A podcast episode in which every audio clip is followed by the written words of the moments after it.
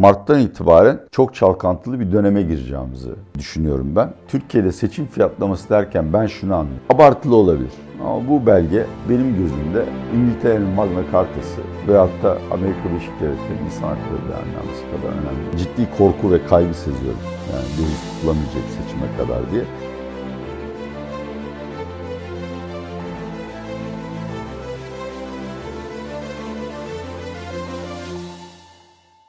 Merhaba, hoş geldiniz. Merhabalar Semih, merhabalar sevgili Mesele Ekonomi izleyicileri.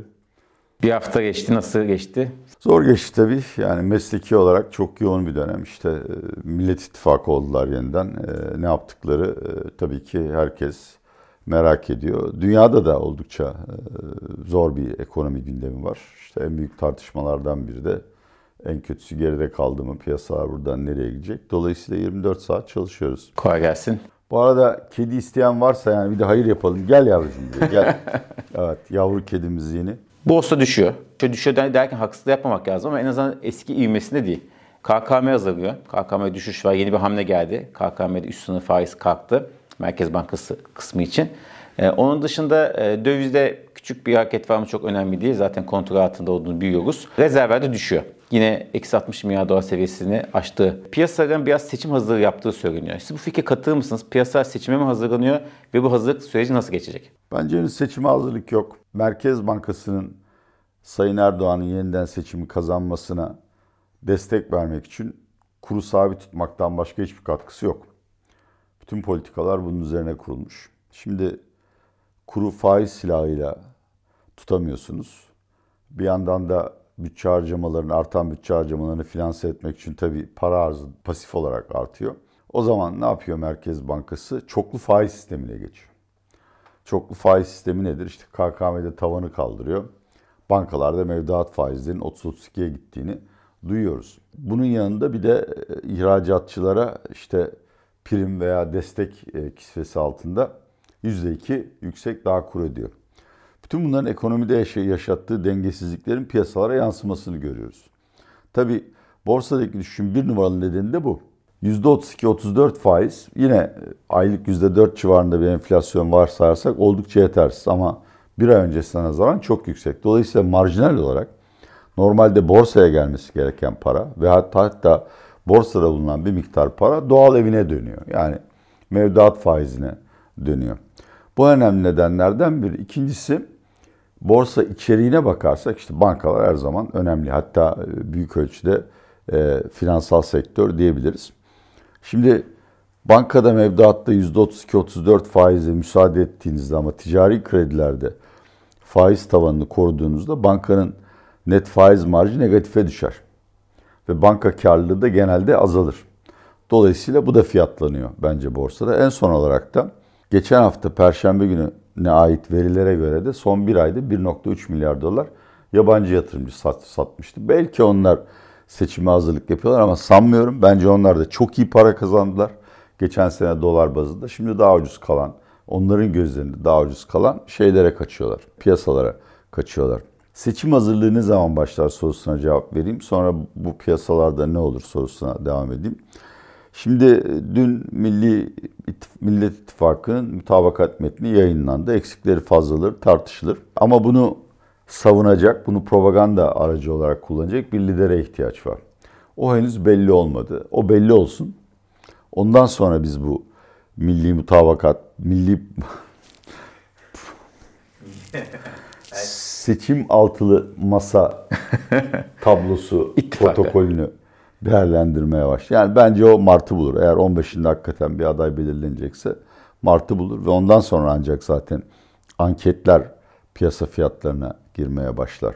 O zamana kadar ne olur diye sorarsan bence birkaç hafta daha borsa böyle salınır. Çünkü ilk önce ben bir borsa yatırımcısı olsam mevduat faizi nereye kadar yükselecek, nereye kadar yükselmesine müsaade edecekler ya da bankalar kendi iç hesaplarıyla, risk hesaplarıyla yüzde kaça kadar faiz verebilecekler onu görmek isterdim. Dolayısıyla birkaç hafta taze para gelmeyecek ve tabii çok çaylak yatırımcı var. Yani 4 milyon civarında şeyde takasta isim kaydedilmiş. Bunların herhalde 1 milyonu son bir yılda geldi. Bu insanlar dayanamazlar pek dünyanın her yerinde. İlk şeyde spazmda veyahut da çalkantıda satmaya kalkarlar.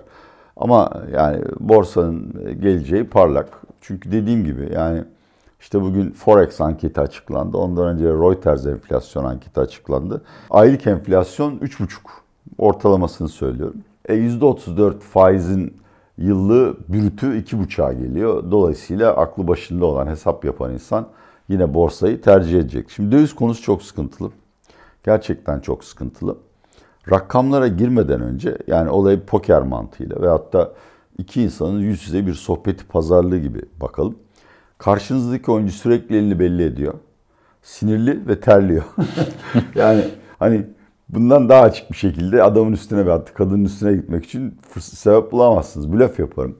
Merkez Bankası da böyle yani rakamlara baktığınızda çok büyük bir rezerv kaybı yok. Hani 5 milyar dolar bir şey kaybetmiş. Ama yani sürekli ben rezervlerin yetersiz kalmasından korkuyorum. Galiba kuru müdafaa edemeyeceğim şeklinde işte biraz önce bahsettiğim tedbirleri alıyor. Ee, yani daha önce de işte 50 bin doların üstünde para çıkartılamayacağı gibi tedbirlerden de bahsetmiştik zaten. Bu benim için çok korkutucu. Bir şeyler eksik gibime geliyor. Ve durumu şöyle görüyorum ben. Bir, tabii ekonomiye bu kadar gelir enjekte etmenin, faizler bu kadar düşükken doğal bir sonucu hem enflasyonun ama hem de ithalatın yükselmesi olacak. Nitekim işte bugün Aralık rakamları açıklandı. 9.7'ye revize etmişler. Öncüsü 10 milyardı.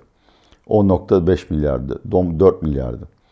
Ya bizim tahminlerimiz ilk 4 ayda 25 milyar dolar civarında bir cari açık verecek. Dolayısıyla onlar da bunu hesaplamışlarsa harıl harıl e, döviz bulmaya çalışıyorlar. İkincisi anladığım kadarıyla, anladığım kadarıyla diyorum yani kimse benim yeteri kadar araştırma yapmadığımı düşünmesin. Vallahi bilmiyoruz ama Suudi Arabistan'dan bahsedilen o 5 milyar dolarlık katkı gelmedi. İşte Katar'dan 10 milyar gelecek çeşitli yollarla. Bunların ikisinin toplamı 2 Eurobond'da ihracından biraz aldı Suudi Arabistan'da Katar. Ne kadar aldığını da tam olarak bilmiyoruz ama yani Merkez Bankası buna güvenerek yola çıktıysa yaya kaldı. Sayın Kavcıoğlu anladığım kadarıyla çünkü ben dinlemiyorum artık Kavcıoğlu'nu. Depres, antidepresan tüketimimi arttırıyor. E, Rusya ile aramızda bir doğalgaz anlaşması olmadığını söylemiş. Bunu ben ikna edici bulmadım. Henüz orada e, bize vaat ettikleri kredi miktarının sonuna geldiğimiz düşünmüyorum. Ama gelebiliriz. Çünkü şimdi kış geldi. Bir de indirim yapmayı planlıyorlar. Bütün bunlar tabii döviz tedbirler. Şunu da söyleyeyim. Sürekli bir yastık altına gidiyor, yastık altına evet, gidiyor evet. şey. Biz böyle bir şey bulamıyoruz. Yani bir güvendiğim ekonomistlerin işte kredi mevduat verilerini e, toplayarak sağlama yöntemleri var. Onlardan, bankalardan ya da finansal sistemden yastık altına yani sistem dışına çıkartılan yüksek miktarlara döviz bulamıyoruz. Ama şöyle bir olasılık hak. Bu tamamen bir şüphe. Hiçbir şekilde ispatlayamam. Gelirini, servetini veyahut da itibarını AKP sayesinde elde eden ve bu iktidarın e, kaybetmesinden çok büyük zarar görecek olanlar portföylerin bir kısmını yurt dışına taşıyor olabilirler ve belki de bu bizim göremeyeceğimiz yani yöntemlerle yapılıyor. Buradan nereye gideriz diye sorarsanız vallahi tabii en iyi ihtimal yani o Suudi Arabistan ve Katar'dan bu dandik yerel para swaplarını kastetmiyorum ciddi katkı gelir. Yani ya Merkez Bankası'na başka ülkeler yaptıkları gibi doğrudan bir mevduat açarlar veyahut da derler ki siz 5 milyar dolar Eurobond ihraç edin e, biz bunu alırız. İkincisi işte faizlerde 34, 35, 36'ya gideriz. Bu da biraz e, dövizin gazını alır. Ama e, Mart'tan itibaren çok çalkantılı bir döneme gireceğimizi e, düşünüyorum ben. Türkiye'de seçim fiyatlaması derken ben şunu anlıyorum. Bir, muhalefet gelirse kazanacaklar var. Buna yabancı yatırımcılar en başta geliyor. Veya Türkiye'de işte malum e, iş dünyası ve parası olan belli bir kesim var. Onlar dışlandılar. E, bunlar alım yapabilirler.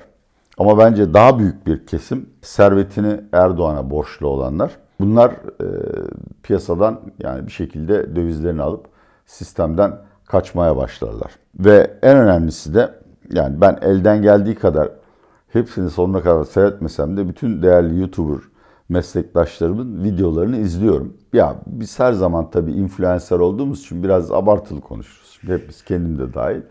Genelde zaten hep çok azılı ta- tahminler yapılırdı ama bu sefer ciddi korku ve kaygı seziyorum. Yani döviz tutulamayacak seçime kadar diye. E tabi bu da bir şekilde e, yüksek miktarda para tutanların şeyini etkiliyor, kararlarını etkiliyor. Dolayısıyla Mart'ta itibaren çok çalkantılı bir döneme gireceğiz. Ne zaman korkarım?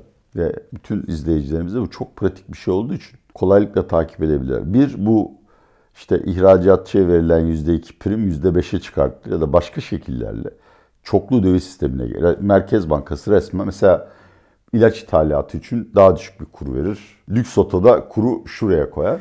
En az yani buna geçtiğimiz anda bu çok tehlikeli. Buradan dönüş pek olmadı IMF'ye gelmeden. İkincisi ya gidin kapalı çarşıda ya da evinizin yakındaki döviz büfelerine bakın. Orada bir kotasyon yani alım ve satım fiyatı arasındaki marj genişliyorsa iki orada alım satım fiyatının ortalaması alan ki o döviz kurudur zaten. O Merkez Bankası kurundan %2, %3, %4 gibi bir daha yüksek miktara erişmişse demek ki o zaman yani Merkez Bankası ve bankalardan resmen döviz alıp kaçamayanlar gidip serbest piyasada ne bulurlarsa topluyorlar. Bu iki işareti görürsem paniğe kapılırım. Ve o zaman yani elimdeki mevduatımı dövize çekerim ve biraz daha hani param olsaydı derhal dolar ve euro opsiyonu almaya başlardım. Ukrayna'da herhalde bugünlerde e, Rusya nihai taarruzu başlatacak ve bence bir ay içinde sonuç elde edemezse Putin iktidarı sallanmaya başlar. Türkiye'ye destek verecek hali kalmayabilir kaygısı içindeyim. Ama yani burada e, en korkutucu senaryo samimiyetle e, bireysel ya ne olacağı hiç belli değil. Ortam çok karıştı. İşte biri şöyle yapacağız diyor, biri böyle yapacağız diyor deyip dövize dönmeye başlarsa yani KKM'de 70 milyar dolar civarında para var. Şöyle söyleyeyim 400 milyar dolar civarında benim hesabıma göre takriben toplam mevduat var. TL'yi de dövize döndüm, dolara döndüm. Ve bunun döviz payı son bir yılda 30-35 milyar azaldı. O paranın yani bir, bir kişinin portföyünde yabancı para mevduatının bir yıl öncesi oranına yükselttiğini düşünürseniz bunun karşısında hiçbir merkez bankası duramaz. Oralara geleceğimizi iddia etmiyorum. Ama e, yani bu öylesine kritik bir seçim ve işte bir AKP'nin 29 Ekim'den önce ilan ettiği seçim beyannamesiyle dün ortaya koyulanların arasındaki hedef ve öncelikler arasında o kadar büyük farklılıklar var ki toplumda ister istemez kazananlar ve kaybedenler doğacak. Ve bu kaybedenler de veyahut da kaybedeceğinden şüphelenenler de muhtemelen güvenli limanlara kaçacaklar. Normal bir ülke, demokratik bir ülkede bu kadar büyük kaybeden veya kazanan olmaması lazım. Tabii her zaman olur o, kaybeden kazanan ama o daha çok hani kardan zarar evet. şeklinde olur. Burada 20 yılda elde ettiği her şeyi kaybedebilecek ve hatta 20 yılda kaybettiklerini çok kısa sürede geri alabilecek iki değişik polarize olmuş toplum kesiminden bahsediyoruz. Evet. O yüzden gerilimi arttırıyor zaten. Peki buradan biraz dışarı çıkalım. E, vaktimiz daralıyor. Kapı orada arkanda. Bakın görüyor musun bak 10 saniye ve 5 saniyelik bir espri hemen havada. Bu haftaki verilere ve gelişmeye baktığınızda e, ne öngörüyorsunuz? Ne bekliyorsunuz hem FED hem de diğer Merkez Bankalarının faiz kararı sonrası? Vallahi FED 25 arttırır. Geçmişe nazaran daha mülayim, güvercince mesajlar verir. Avrupa Merkez Bankası 50 arttırır. O katılık yolunda devam edecek. İngiltere Merkez Bankası da 50 arttırır. Onların mesajını bilemiyorum. Orası biraz daha karışık çünkü hani orada İngiliz Merkez Bankası biraz daha büyümeye ve istihdama önem veriyor gibi bir görüntü içindeyim. Ama bence bunun biraz ötesine bakmak lazım. Yani tartışma şu aslında. Fed'in %4.75 veya 5'te durması bir gün fiyatlanır. Asıl fiyatlanacak olan yani ben büyük 100 milyar dolar yöneten bir fon yöneticisi olsam bana para kazandıracak olan şu sorunun cevabını vermektir. Fed ne zaman faiz indirecek ya da indirecek mi? Bu soruya verilen cevaplar çok farklı. Türkiye'de de yurt dışı uzmanlar arasında da.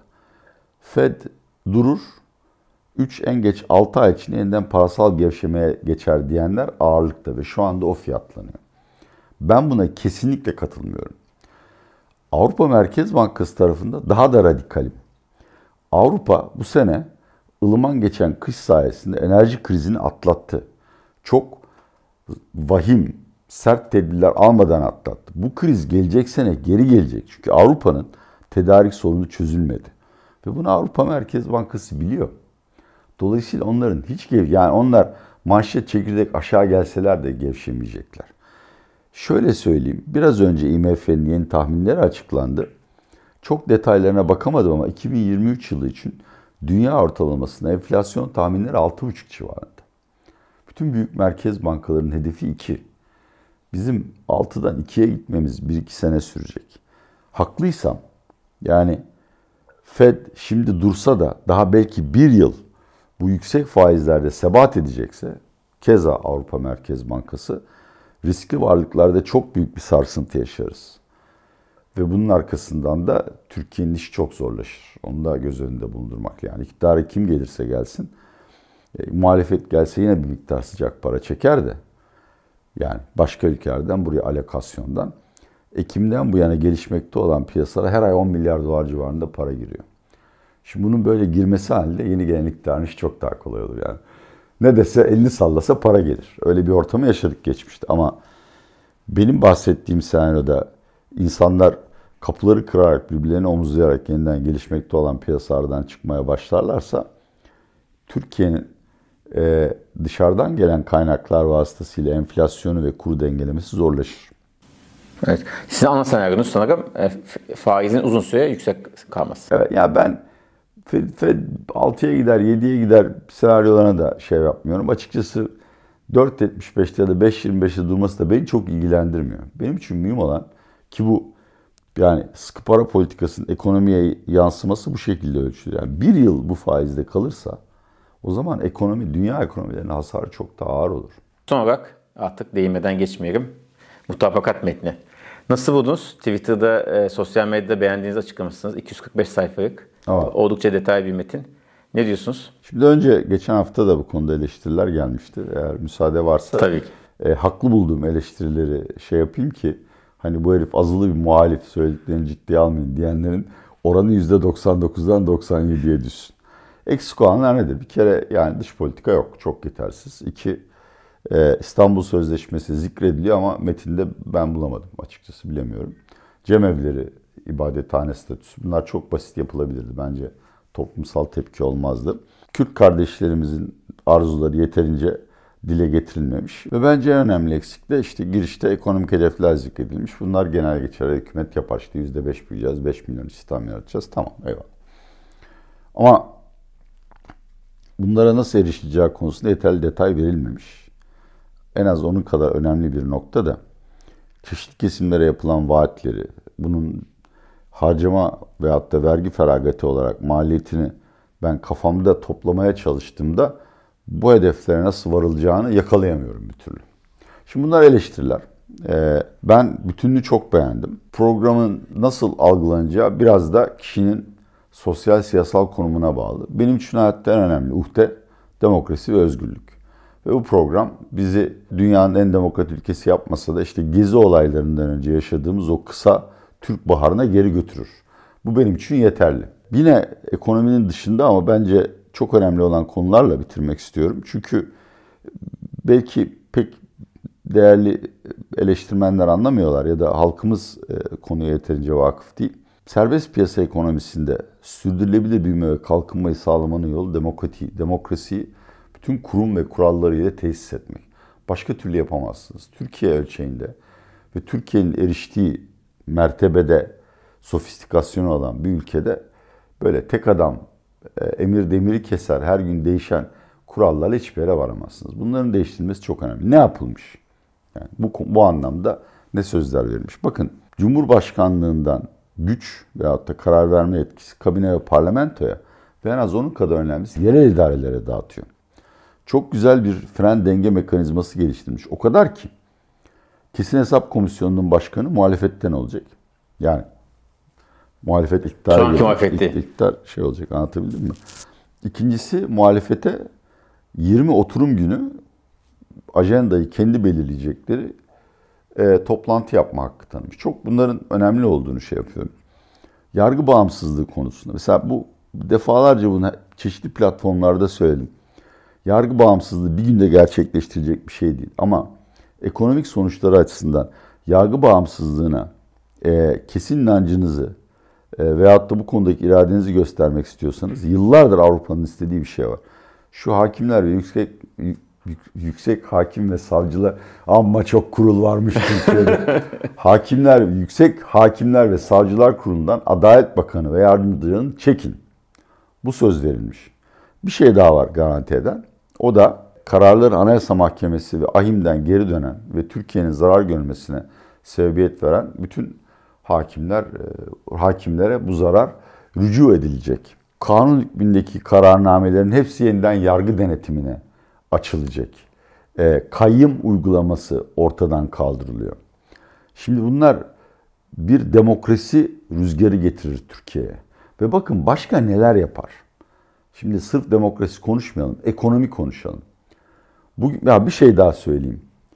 Kamuya personel alımlarında mülakatı kaldırıyorlar. Bakın bugün Türkiye'nin gerçeği şudur ki AKP, MHP seçmeni ve AKP ile birlikte hareket eden tarikatlar dışında bütün toplum kesimleri devletin sunduğu bütün imkanlardan dışlanmıştır. Çok katı bir ayrımcılık uygulanmaktadır. Siz bunları yaptığınızda yukarıda saydığım maddeleri bir kere toplumun bu şekilde ekonomik hayattan kısmen dışlanan veyahut da potansiyelini kullanamayan %50'sini harekete geçirmiş olursunuz. E ben tabii ki yani kamu şeylerinde e, kamuya işe alımlarda ayrıcalık yapılmayacağını bilirsem daha çok üniversiteye giderim, daha çok çalışırım.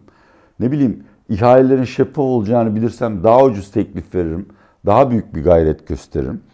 Dışarıdan gelecek özellikle kaliteli sermaye konusunda ve Türkiye'de sabit sermaye yatırımları konusunda yargı bağımsızlığı şart.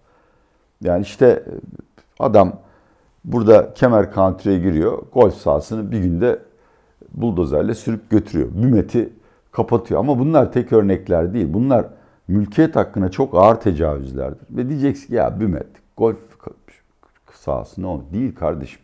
100 milyon yatırım yapacak bir Türk veya yabancı iş adamı bunlara bakar. Der ki bu kadar kolaylıkla halkın mülkiyet hakkına tecavüz eden bir hükümet bana neler yapar? Dolayısıyla bunların değiştirilmesi bence sürdürülebilir kalkınma konusunda çok büyük adımlar. Yani bunları gerçekleştirebilir. Zaten şöyle düşünüyorum. Tabii ben yani azılı bir kapitalistim. Bunu hep söylüyorum. Türkiye çapında bir ülkede siz gerekli çevresel koşullar oluşturduğunuzda serbest piyasanın mantığı bu zaten. Lezefer. Kendi kendine büyür. Nedir onlar? İşte yargı bağımsızlığı, Merkez Bankası bağımsızlığı, vergi idaresinin siyasete değil, vatandaşa ve yasalara karşı sorumlu olması. Ve tabii ki e, gücünü anayasadan alan bağımsız denetim kurumları, EPDK'sı, BDDK'sı, SPK'sı vesaire. Bunları sağladığınızda zaten ekonomi kendi kendine büyür diye bir teori var. Tamam bu kadar da saf değilim.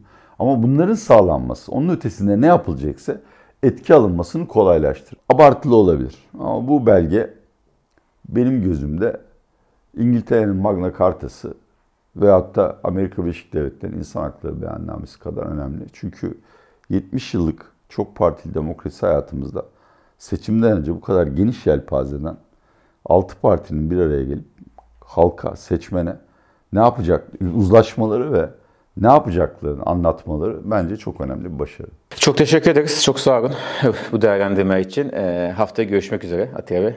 Kendinize çok iyi bakın. Çok sağ olun.